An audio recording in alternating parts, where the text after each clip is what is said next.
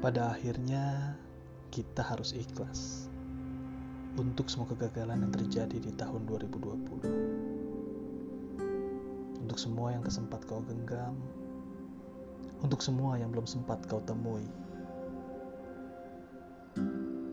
Pada akhirnya, kita harus ikhlas. Kala cita-citamu untuk bisa melanjutkan studi harus kandas. Pada akhirnya, kita harus ikhlas pekerjaan yang hilang dan tabungan yang terkuras. Pada akhirnya, kita harus ikhlas melepas mereka yang telah pergi akibat pandemi.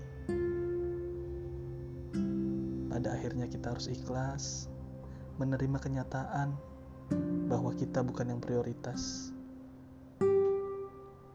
Pada akhirnya, kita harus ikhlas membiarkan dirinya pergi dan bahagia dengan yang lain.